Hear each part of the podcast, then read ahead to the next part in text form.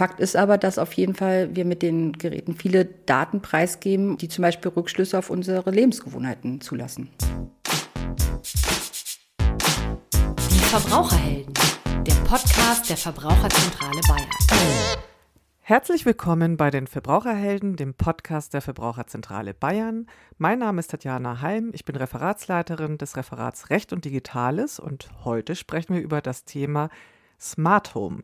Smart Home ist ja in aller Munde nicht nur Telefon oder Computer, Fernseher, ähm, alles Mögliche hat man inzwischen zu Hause, was mit Smart Home zu tun hat. Ich persönlich beispielsweise Lampen, aber es sind auch Haushaltsgeräte und Haustechnik. Also das heißt, dieses intelligente, vernetzte Zuhause ist jetzt immer mehr im Alltag angekommen ist ja auch komfortabler zum Teil und man kann auch Energie sparen. Wobei wir heute nicht über das Energiesparen sprechen wollen. Dazu verweise ich an die Kollegen der Verbraucherzentrale Nordrhein-Westfalen. Die haben dazu schon einen eigenen Podcast gemacht. Äh, das Thema Klima im Ohr, Wandel im Kopf. Wir wollen heute ganz allgemein über Smart Home sprechen. Was ist es? Wie funktioniert es? Und worauf muss man achten? Und dazu habe ich meine liebe Kollegin Juliane von Behren, Referentin für Verbraucherrecht in der Verbraucherzentrale Bayern, eingeladen. Sie hat sich sehr viel mit dem Thema beschäftigt und kann uns da sicherlich einige Fragen beantworten. Liebe Judith, herzlich willkommen. Hallo Tatjana, schön mal wieder dabei zu sein. Ja, ich freue mich auch. Und äh, heute haben wir das Thema Smart Home. Und darüber wollen wir uns jetzt mal ein bisschen unterhalten. Mhm. Aber bevor wir jetzt in Medias Res gehen, wie das alles funktioniert, fangen wir mal ganz von vorne an. Also was versteht man denn eigentlich genau unter dem Begriff Smart Home? Du hast es eben gerade selber schon erwähnt. Also der Begriff Smart Home kommt erstmal natürlich aus dem Englischen, das hört man ja schon und bedeutet übersetzt intelligentes Zuhause. Du hast es gerade schon genannt. Gemeint ist damit ein Zuhause, in dem so verschiedene internetfähige Geräte miteinander vernetzt sind äh, und miteinander kommunizieren, also sprich Haustechnik, Haushaltsgeräte oder auch Komponenten der Unterhaltungselektronik. Okay, das ist natürlich jetzt ein bisschen abstrakt. Nenn uns noch mal ein paar konkrete Beispiele, weil ich habe manchmal das Gefühl, man ist sich gar nicht darüber im Klaren, dass man smarte Geräte zu Hause hat, weil in vielen Geräten ist ja Internet drin, ohne dass man äh, das erkennt. Also was sind das denn genau für Beispiele? Ein ganz konkretes Beispiel sind, du hast es auch eben schon genannt, wir haben es auch zu Hause, zum Beispiel ähm, die Sprachassistenten, die dann wiederum mit dem Licht, ähm, die Smart Speaker, die dann mit dem Licht oder mit der Heizung oder den Rollläden verknüpft sind und sich per Sprachbefehl steuern lassen. Also diesen Befehl Alexa, schalte das Licht an oder aus, den kennen bestimmt ganz viele. Wie gesagt, unsere Kinder lieben es. Bei mir funktioniert es nicht immer. genau. Und dann gibt es natürlich viele Haushaltsgeräte mittlerweile in smarter Version. Also Kühlschränke, Saugroboter, Waschmaschinen, äh, Wischroboter. Die können alle auch von der Ferne aus angesteuert werden. Teilweise haben die sogar schon wie so ein smarte Kühlschränke eine Kamera im Innenraum. Da kann man dann sehen, ob die Milch fehlt und diese danach bestellen. Dann gibt es natürlich auch smarte Fernseher, vernetzte Lautsprecherboxen. Also gibt es ziemlich viel jetzt schon auf dem Markt. Ähm, ich habe auch mal gelesen, wenn wir jetzt schon dabei sind, so ein paar Beispiele zu nennen, dass auch durchaus für Senioren ähm, es so digitale Assistenzsysteme, mhm. was du ja gerade gesagt hast, gibt. Ähm, kannst du uns da noch so ein paar Beispiele nennen, was es da für Helfer gibt für Senioren? Weil das ist ja natürlich auch spannend. Das ist total spannend und da gibt es auch schon relativ viel. Da gibt es zum Beispiel verschiedenste Sensoren ähm, für die häusliche Sicherheit, wie so Herdabschaltautomatiken, Sturzmatten, Wasser- oder Rauchsensoren ähm, oder auch Alarmanlagen für Fenster und Türen. Im Gesundheitsbereich gibt es so digitale Blutdruckgeräte, äh, Tablettenspender, die einen an, äh, erinnern, dass man die Tabletten einnehmen soll. Ähm, smarte Armbanduhren oder wo man zum Beispiel im Notfall auch den dementen Angehörigen finden kann, wenn er geflüchtet ist. Ähm, und diese digitalen Assistenzsysteme, die sollen natürlich helfen, dass ähm, Menschen, ältere Menschen oder auch behinderte Menschen äh, so lange wie möglich unterstützt werden, dass sie zu Hause alleine leben können. Das klingt doch eigentlich ganz gut. Also das mhm. ist ja dann wirklich eine Unterstützung. Und insofern sicherlich interessant für den einen oder anderen Senioren und Seniorin oder auch für die Angehörigen, dass Natürlich, man sich da einfach ja. wohler fühlt. Ne? Ähm, jetzt haben wir ja gesagt, äh, vernetztes Zuhause. Die Geräte kommunizieren miteinander. Gehen wir mal ein bisschen ins Technische. Was heißt denn Vernetzung und Kommunikation? Was äh, vernetzt sich denn da oder was kommuniziert denn da miteinander? Weil eigentlich redet man ja als Mensch mit dem Gerät. Also das klingt jetzt erstmal ein bisschen abstrakt, wenn du uns das noch so etwas genauer äh, beschreiben könntest, dass man sich immer vorstellen kann, was heißt denn die Geräte kommunizieren miteinander? Äh, du hast es schon gesagt, das sind ja verschiedene Geräte. Da, so ein Smart Home besteht immer aus verschiedenen Elementen, mehreren Elementen, die miteinander vernetzt vernetzt sind. Da gibt es zum einen die zentrale Steuerungseinheit, ich erkläre das gleich mal ein bisschen näher noch. Dann gibt es Eingabegeräte, die Endgeräte und die Sensoren. Fangen wir mal mit der zentralen Steuerungseinheit an. Die wird auch äh, Gateway genannt oder Basisstation Hub, Bridge, wie auch immer.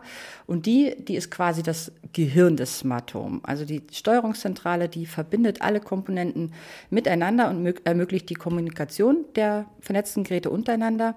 So gehen zum Beispiel die Sensordaten bei dem Gateway ein und das Gateway sendet dann wiederum die Befehle an die Endgeräte. Die zentrale Steuerungseinheit, die kann von den Nutzern über Eingabegeräte angesteuert werden. Und Eingabegeräte, das können zum Beispiel sein Smartphones, Tablets, Touch-Displays, Fernbedienung ganz klassische, aber auch äh, klassische Wandschalter. Und auch die Steuerung über Sprachbefehle wird immer verbreiteter. Was ich auch schon genannt habe, sind ja die Endgeräte. Die haben wir heute schon mehrfach genannt. Das sind zum Beispiel Heizkörper, Thermostate, Lampen, Rollläden, Jalousien, Lüftungsanlagen, aber auch Fernseher, ähm, Stereoanlagen, Lautsprecher oder auch die ähm, Haushaltsgeräte, die wir heute schon genannt haben, Waschmaschinen, Kühlschränke und so weiter, die lassen sich alle ins Smart Home einbinden. Und ein ganz wichtiges äh, Element sind die Sensoren, weil die werden zum Beispiel ja benötigt, um die Raumtemperatur zu messen, um zu registrieren, ob Türen oder Fenster äh, geöffnet sind oder geschlossen sind, um die Helligkeit in Räumen festzustellen oder auch festzustellen, ob Personen da sind. Okay, das klingt ein bisschen nach Science Fiction, aber es ist ja inzwischen Realität. Ne? Bei Steuerungseinheit habe ich kurz an Star Trek gedacht, aber äh, wir sind ja jetzt im Hier und Jetzt und es ist ja wirklich äh, angekommen, dass wir mit solchen Geräten eben auch leben können und ähm, viele ja auch leben möchten. Jetzt sind das die Geräte, die du genannt hast, die genutzt werden und mhm. die zusammenhängen. Wie genau funktioniert denn dann jetzt die Vernetzung, also die Kommunikation an sich?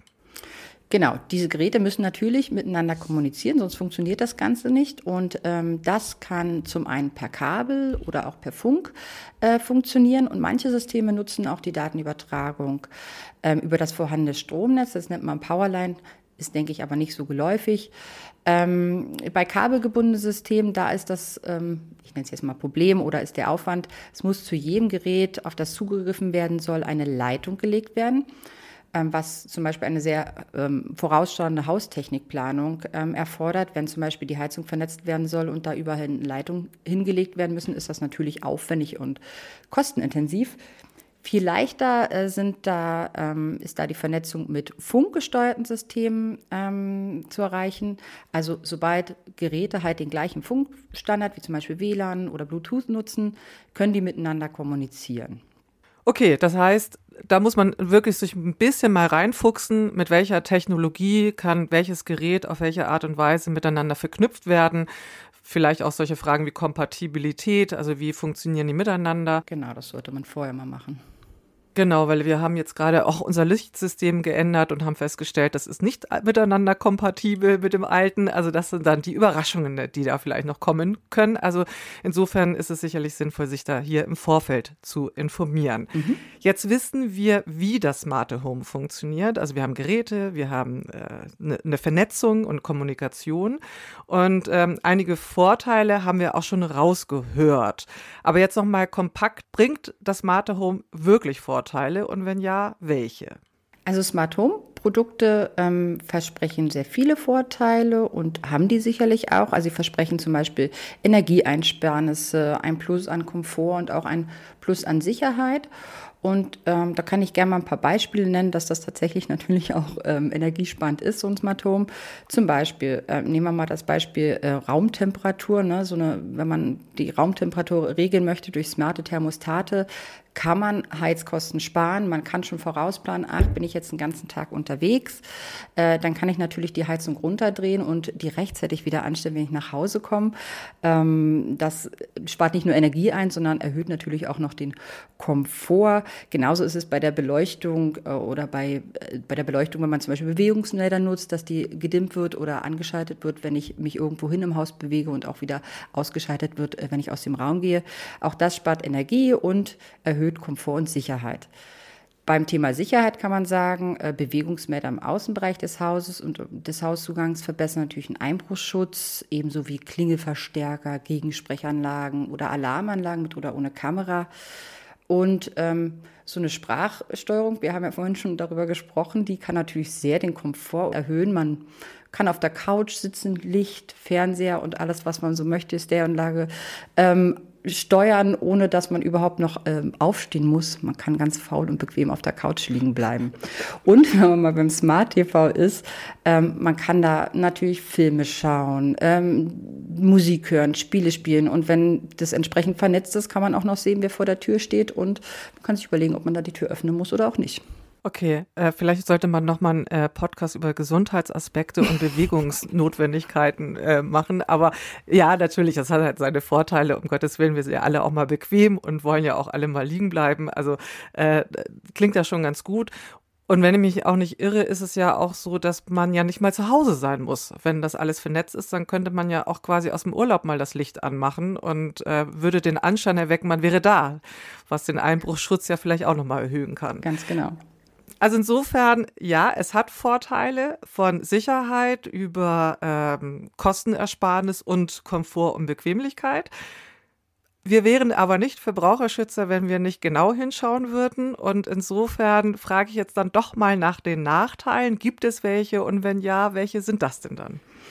Ja, ja, die Verbraucherschützer, meine Kinder nörgeln immer, dass wir immer so viel Kritisches aussehen. Aber natürlich gibt es auch Nachteile und die sind vielleicht auch nicht immer gleich so offensichtlich. Und ein Nachteil, den wir auf jeden Fall sehen, ist, dass bei der Nutzung von Smart Home Geräten jede Menge persönlicher Daten erhoben werden. Jetzt kann man sich natürlich die Frage stellen, äh, was daran so problematisch ist. Aber das kann ich dir sagen. Problematisch ist bei diesem Punkt, dass wir oft gar nicht so genau wissen, welche Daten erhoben und gespeichert werden, was mit diesen Daten passiert und wie und von wem die überhaupt genutzt werden. Fakt ist aber, dass auf jeden Fall wir mit den Geräten viele Daten preisgeben, die zum Beispiel Rückschlüsse auf unsere Lebensgewohnheiten ähm, zulassen. Also da muss jetzt doch mal ein paar konkrete Beispiele nennen. Das ist ja auch wieder ganz abstrakt, aber äh, hört dann der Sprachassistent zu, was ich so private zähle oder wie? Also zumindest können solche Daten erhoben und ausgewertet werden. Also es fängt ja schon an, ähm, wie ich ganz am Anfang schon mal erwähnt habe, ähm, wenn man so ein Smart Home, wenn man Smart Home Geräte nutzen möchte, muss man sich üblicherweise ähm, erstmal mit so einer ähm, App anmelden ähm, oder die werden per Smartphone und Tablet gesteuert, da braucht man Apps, da muss man sich anmelden für dieses Anlegen des Benutzerkontos ähm, braucht man eine E-Mail-Adresse, die Telefonnummer, Geburtsdatum, Postanschrift und so weiter. Das sind schon mal sehr viele persönliche Daten, denn ähm, wird natürlich ein Großteil der Smart Home Geräte ähm, permanent mit dem Internet verbunden und speichert Nutzerdaten in der Cloud, also auf Servern der Gerätehersteller, die oft nicht unbedingt in Deutschland, sondern auch im Ausland sitzen. Und ausgewertet werden, wir haben ja gerade drüber gesprochen, über die ähm, über unsere äh, Sprachbefehle. Sprachbefehle, ähm, mitunter auch andere sensible Daten wie Videoaufnahmen aus der Wohnung, die von einer Überwachungskamera erstellt und übermittelt werden können. Aber auch Standortdaten wie ähm, die von unserem Saugroboter äh, oder von der smarten Armbanduhr übermittelt werden. Und ähm, was ich manchmal so ein bisschen gruselig finde, natürlich auch die äh, Vitaldaten von Körpersensoren, ne, was wir anfangs ja auch schon besprochen haben bei den digitalen Assistenzsystemen. Und was wir immer so kritisieren, ist, ähm, dass man, wie gesagt, nicht genau weiß, was mit diesen Daten passiert, wie die genutzt werden. Das bleibt für uns Nutzer oft im Ungewissen. Ja, und vielleicht will man das ja auch gar nicht, dass Gott und die Welt dann irgendwie meine Daten ähm, mhm. auslesen kann. Äh, ich habe hab mal so einen Versuch gemacht, ähm, einfach mein Smartphone, also im, in der Schulklasse, nutzt mal bitte das Smartphone deines Nachbarn äh, ungeschützt. Das wollte keiner. Ne? Keiner wollte dem anderen sein Smartphone geben, äh, damit der dann da rumsuchen kann. Äh, aber insgeheim läuft's ja und ähm, das ist ja vielleicht auch so der Aspekt, äh, ich habe mal gelesen, dass äh, auch laut einer Studie der Bitkom äh, aus dem Jahr 22, aber das wird wahrscheinlich noch weiterhin aktuell sein, etwa die Hälfte der damals Befragten Angst vor Hackerangriffen mhm. haben. Und das geht ja, hängt ja damit zusammen. Also so eine äh, Vielzahl von Daten, die irgendwo einem Anbieter zur Verfügung gegeben werden, können natürlich von dem genutzt werden oder mhm. man weiß es nicht, wie sie genutzt werden, wie du gesagt hast, aber sie liegen ja dann auch da bereit, um von Hackern möglicherweise äh, weggeschnappt zu werden. Ähm, gibt es denn da beim Smart Home Einfallstore für Hacker? Also es gibt dann Einfallstore, wenn sie nicht ausreichend geschützt sind. Ne? Also ein Einfallstor kann zum Beispiel schon das besagte Benutzerkonto sein, wenn ich mich anmelde ähm, bei Geräten mit Apps, ähm, wenn diese durch unsichere Passwörter geschützt werden. Ne? Das ist mal ein ganz wichtiger Punkt mit den Passwörtern. Auch bei der Übertragung oder Speicherung von Nutzerdaten können Daten abgefangen werden, wenn sie nicht ausreichend gesichert sind. Da ist es halt zum Beispiel sehr wichtig, dass die gesendeten Daten ähm, verschlüsselt werden, damit sie halt nicht im Klartext abgefangen und ausgelesen werden können. Und eine andere Schwachstelle äh, können auch Router sein, die Eingabegeräte selbst natürlich, ähm, die smarten Geräte. Und je mehr smarte Geräte in so einem System integriert sind, umso anfälliger kann es natürlich auch in seiner Gesamtheit sein. Nehmen wir mal zum Beispiel eine smarte Glühbirne, wenn die gehackt wird, aber mit anderen Geräten natürlich auch noch verbunden ist, dann kann es unter Umständen passieren, ähm, dass andere Daten auch noch ausgelesen werden. Also das heißt, auch das ist ein äh, Aspekt, den man sich genauer anschauen sollte. Mhm. Wie sichere ich mich ab? Aber ich höre so ein bisschen raus, man genau. kann sich auch absichern. Also man ist nicht schutzlos ausgeliefert.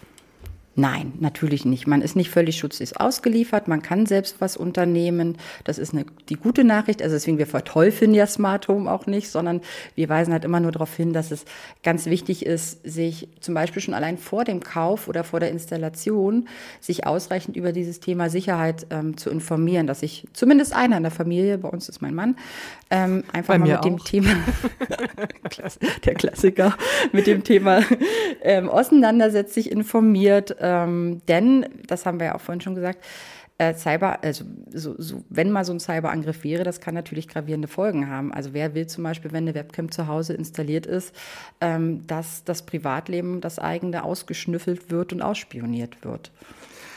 Ja, das ist richtig. Ähm, deswegen muss man da, wie irgendwie immer, ich habe ja jetzt schon mehrere äh, Podcasts zu dem Thema Datensicherheit mhm. auch gehabt oder Datenschutz, am Schluss liegt es dann doch so ein bisschen bei einem selber, hier Vorkehrungen zu treffen. Ja, natürlich. Aber jetzt im Bezug auf Smart Home, was konkret kann man denn da machen? Weil das ist ja auch nochmal was anderes als einfach in Anführungsstrichen nur im Internet zu sein. Hier ist ja das Internet quasi zu Hause. Mhm. Ähm, also da haben wir nochmal eine andere Qualität. Naja, wichtig ist auf jeden Fall, dass man sein Heimnetzwerk und die Geräte, die damit verbunden sind ähm, und miteinander kommunizieren, dass man die schützt. Und ganz wichtig ist da zum Beispiel ein starkes WLAN-Passwort, ne, damit Hacker nicht so leicht auf das Heimnetzwerk zugreifen können. Starke Passwörter, da haben wir, glaube ich, auch schon in anderen Folgen drüber gesprochen, ähm, die beinhalten immer Großbuchstaben, Kleinbuchstaben, Sonderzeichen, Zahlen und sollten mindestens, eigentlich noch mehr, also mindestens acht Zeichen, besser ist, noch mehr Zeichen haben. Dann, äh, ich habe das vorhin ganz schon, kurz schon erwähnt, der Router, der muss ausreichend geschützt sein, denn er ist der Zugang zum Internet für alle internetfähigen Geräte im Haus. Und äh, dieser Router sollte eine Firewall haben, die immer aktuell und aktiviert ist, denn die überwacht ja den eingehenden, ausgehenden Datenverkehr und blockiert gegebenenfalls ungewollte Zugriffe. Und auch der Router muss wie alle anderen Geräte durch ein starkes äh, Passwort geschützt werden. Wie gesagt, also das Passwort bezieht sich auch auf andere, alle anderen internetfähigen Geräte im Smart Home. Manchmal sind die schon voreingestellt, dann sollte man die auf jeden Fall ändern. Und, ich habe es vorhin auch schon mal erwähnt, die Kommunikation, also die Datenübertragung, die sollte auf jeden Fall verschlüsselt sein zwischen den Geräten und der Cloud. Und was übrigens auch sehr, sehr wichtig ist, sind regelmäßige Updates. Ne, der Router, die Geräte und alle dazugehörigen Apps, das sollte immer auf dem neuesten Stand sein. Und die sollten, wenn sie geändert werden, ähm, wenn es Änderungen gibt, immer zeitnah installiert werden. In dem Zusammenhang fällt mir jetzt ein, wir haben ja auch immer wieder unsere Krypto-Cafés. Also mhm. wer sich da unsicher fühlt, ähm, wir haben auch ein Krypto-Café immer mal wieder zum Thema starke Passwörter. Genau. Und insofern äh, ist der kleine Werbeblock zwischendurch. Gerne mal auf unsere Homepage schauen, wann wieder so ein Termin stattfindet. Ähm, es ist immer ganz gut besucht und ich glaube, da kriegt man ganz gute Tipps auch mit. Ja, vor allen Dingen viele praktische Hinweise, ne? Ja, genau. Also, dass man dann auch wirklich sich sicherer fühlt, dass man das richtig mhm. eingestellt hat, wenn man jetzt niemanden zu Hause hat, der sich damit gut auskennt. Aber du hattest ja am Schluss gesagt, Updates, das hört man ja auch immer wieder. Auch das ist ja ein Thema, das man mal ganz gerne vernachlässigt und sagt, ah, mach ihn morgen, morgen, morgen. Mhm. Aber wenn wir so Updates äh, zur Verfügung gestellt bekommen, wie lange stehen sie denn überhaupt zur Verfügung? Wie lange habe ich denn ein Recht drauf? Weil wenn ich jetzt so ein smartes Gerät kaufe, will ich ja auch nicht nur ein Jahr lang Updates zur Verfügung gestellt bekommen. Wie, wie ist denn da die Situation? Ähm, da gibt es äh, seit äh, Januar 22 zum Glück neue Regelungen, also für Smartphones, Smart TVs, Apps und Co., die ähm, äh, seit dem 1. Januar 22 gekauft wurden, gilt tatsächlich eine Update-Pflicht. Die verlangt, dass die Anbieter mindestens innerhalb der Gewährleistungsfrist notwendige Aktualisierungen bereitstellen müssen. Ja, und die Gewährleistungsfrist, die beträgt zwei Jahre. Jetzt hast du gesagt mindestens zwei Jahre, also es dauert ja quasi länger als die Gewährleistungsfrist. So wie ich das verstanden habe, heißt es, solange man meint, dass das Gerät äh, oder solange man erwarten darf, dass das Gerät funktioniert. Das wird sicherlich noch spannend, wie lange man jetzt bei einem, einer smarten Heizung erwarten darf, dass die funktioniert. Also das mhm. könnte ja sogar wesentlich länger sein als zwei Jahre. Aber wir werden sehen. Wir werden sehen, wie die Anbieter da auch ähm, reagieren, genau. Wie die reagieren, genau. Aber ähm, Jetzt haben wir da auch sozusagen die Vor- und Nachteile äh, mal gehört und auch, wie man sich gegen die Nachteile selber auch schützen kann, um smarte Geräte auch gut und sicher zu nutzen. Hast du denn noch weitere Tipps für unsere Zuhörerinnen und Zuhörer? Ja, ein weiterer Tipp wäre vielleicht noch, dass man ein besonderes Augenmerk auf Apps legen sollte. Viele äh, Geräte-Apps, die benötigt werden, ähm, greifen gerne mal auf viele Daten zu. Notwendig ist das nicht immer und deswegen sollte man auch immer schauen, wie die Voreinstellungen genau aussehen und ähm, wenn möglich die Berechtigung auch ändern. Also wenn zu viele ähm, Einstellungen vorgenommen wurden, die nicht unbedingt notwendig sind. Und diese Einstellungen auf die Zukunftsberechnung lassen sich im Übrigen auch im Nachhinein noch anpassen. Man sollte möglichst äh, natürlich ausschließlich Apps aus kontrollierten Quellen nutzen. Das rät auch das BSI, wie zum Beispiel den Google Play Store oder den App Store von Amazon. Ähm, dann sollte man, da haben wir heute auch schon mal ganz kurz drüber gesprochen, man kann von außen ja auf die Geräte zugreifen. Und wenn man unterwegs ist äh, und auf sein Heimnetz, äh, Heim, Heimnetz, mein Gott, zugreift, sollte man natürlich ähm, eine besonders gesicherte Verbindung nutzen. Und das kann man über ein VPN, ein Virtual Private Network oder auf Deutsch virtuelles privates Netzwerk. Es klingt ein bisschen kompliziert, aber eigentlich ist das so bildlich gesprochen, wird da wie so ein Tunnel ähm, zwischen dem Smartphone durch das öffentliche Internet zu meinem Heimnetzwerk ähm, oder meinem Router geschaltet. Und das sollte man auf jeden Fall auch nutzen damit halt nicht von außen Daten abgegriffen werden können. Und ein letzter Tipp wäre vielleicht noch, dass man, soweit es angeboten wird, auf jeden Fall diese Zwei-Faktor-Authentisierung nutzt. Ähm, die erhöht prinzipiell die Sicherheit äh, beim Zugriff auf smarte Systeme. Ja, diese Zwei-Faktor-Authentifizierung hört man ja auch immer häufiger mhm. als äh, zusätzliche Sicherheit. Kannst du das noch mal ein bisschen näher erläutern, was das bedeutet? Klar, das kann ich machen. Also im Prinzip geht es darum, dass man bei einer Zwei-Faktor-Authentisierung zwei Schritte durchführt, um den Nachweis der Identität ähm, zu erbringen. Also ich muss mich ja irgendwie ähm, erkennbar machen und dafür gibt es verschiedene Verfahren. Eins ist zum Beispiel, dass ich, ähm, wenn ich die, meine Daten im Benutzerkonto angegeben habe, Benutzername und Passwort, dann vom Anbieter nochmal einen extra Code gesendet bekomme ähm, auf mein Smartphone. Ähm, der muss dann nochmal zusätzlich eingegeben werden als zweiten Schritt und das soll halt dieses Abfischen von Daten, das Phishing ähm, verhindern. Also das heißt, ich habe letztendlich zwei äh, Zugangswege mhm. und dass beide Zugangswege jetzt geklaut oder gehackt werden, ist ja dann doch etwas unwahrscheinlicher. Und wenn jetzt mein, mein Smartphone weg ist und ich kriege auf meinem privaten Rechner den Code, dann würde der, der das äh, Smartphone geklaut hat, den Code ja nicht kriegen und kann sich nicht anmelden. Richtig. Ich glaube, viele kennen das auch schon so aus dem Bankwesen, aus dem Banksektor, beim Online-Banking. Da wird das ja schon lange genutzt ähm, und das setzt sich immer mehr durch.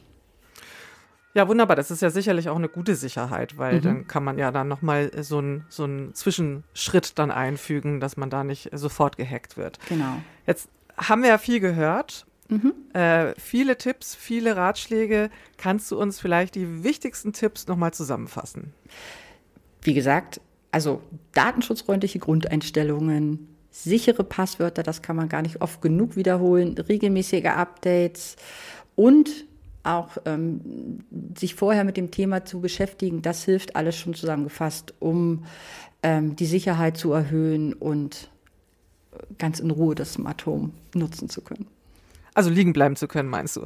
Genau. schön. Na wunderbar. Also äh, ich glaube schon, dass man, wenn man das alles berücksichtigt, kann man dann ruhigeren Gewissens, also eine hundertprozentige Sicherheit hat man nie, aber die hat man auch äh, sonst nicht, also ruhigeren Gewissens, smart leben, smarte Geräte nutzen und die Vorteile, die du genannt hast, dann auch eben genießen, dann danke ich dir recht herzlich. Auf jeden Fall, wir machen es ja beide. Also wir sind ja Verbraucherschützer und nutzen trotzdem unser Smart Home. Man muss sich halt nur ein bisschen damit beschäftigen. Man muss sich damit beschäftigen und ich sehe ja auch die Vorteile äh, zu Hause mit Boxen und Licht. Äh, gebe ich zu, habe ich auch und finde es toll. Man kann dann äh, in allen Räumen das Gleiche hören beim Putzen und dann wird das Putzen auch viel angenehmer. Also das macht genau. das Leben schon wirklich auch lustiger. Und insofern danke ich dir recht herzlich für die Tipps mhm, und ähm, freue mich auch dann schon, wenn du mit dem neuen Thema dann irgendwann kommst. Und ähm, wünsche dir auf jeden Fall einen schönen Tag noch. Und an die Zuhörerinnen und Zuhörer zu Hause, der Tipp, immer erstmal durchatmen und bei uns auf der Seite www.verbraucherzentrale-bayern.de informieren. Und ich wünsche allen einen schönen Tag und bis zum nächsten Mal. Tschüss. Die Verbraucherhelden, der Podcast der Verbraucherzentrale Bayern.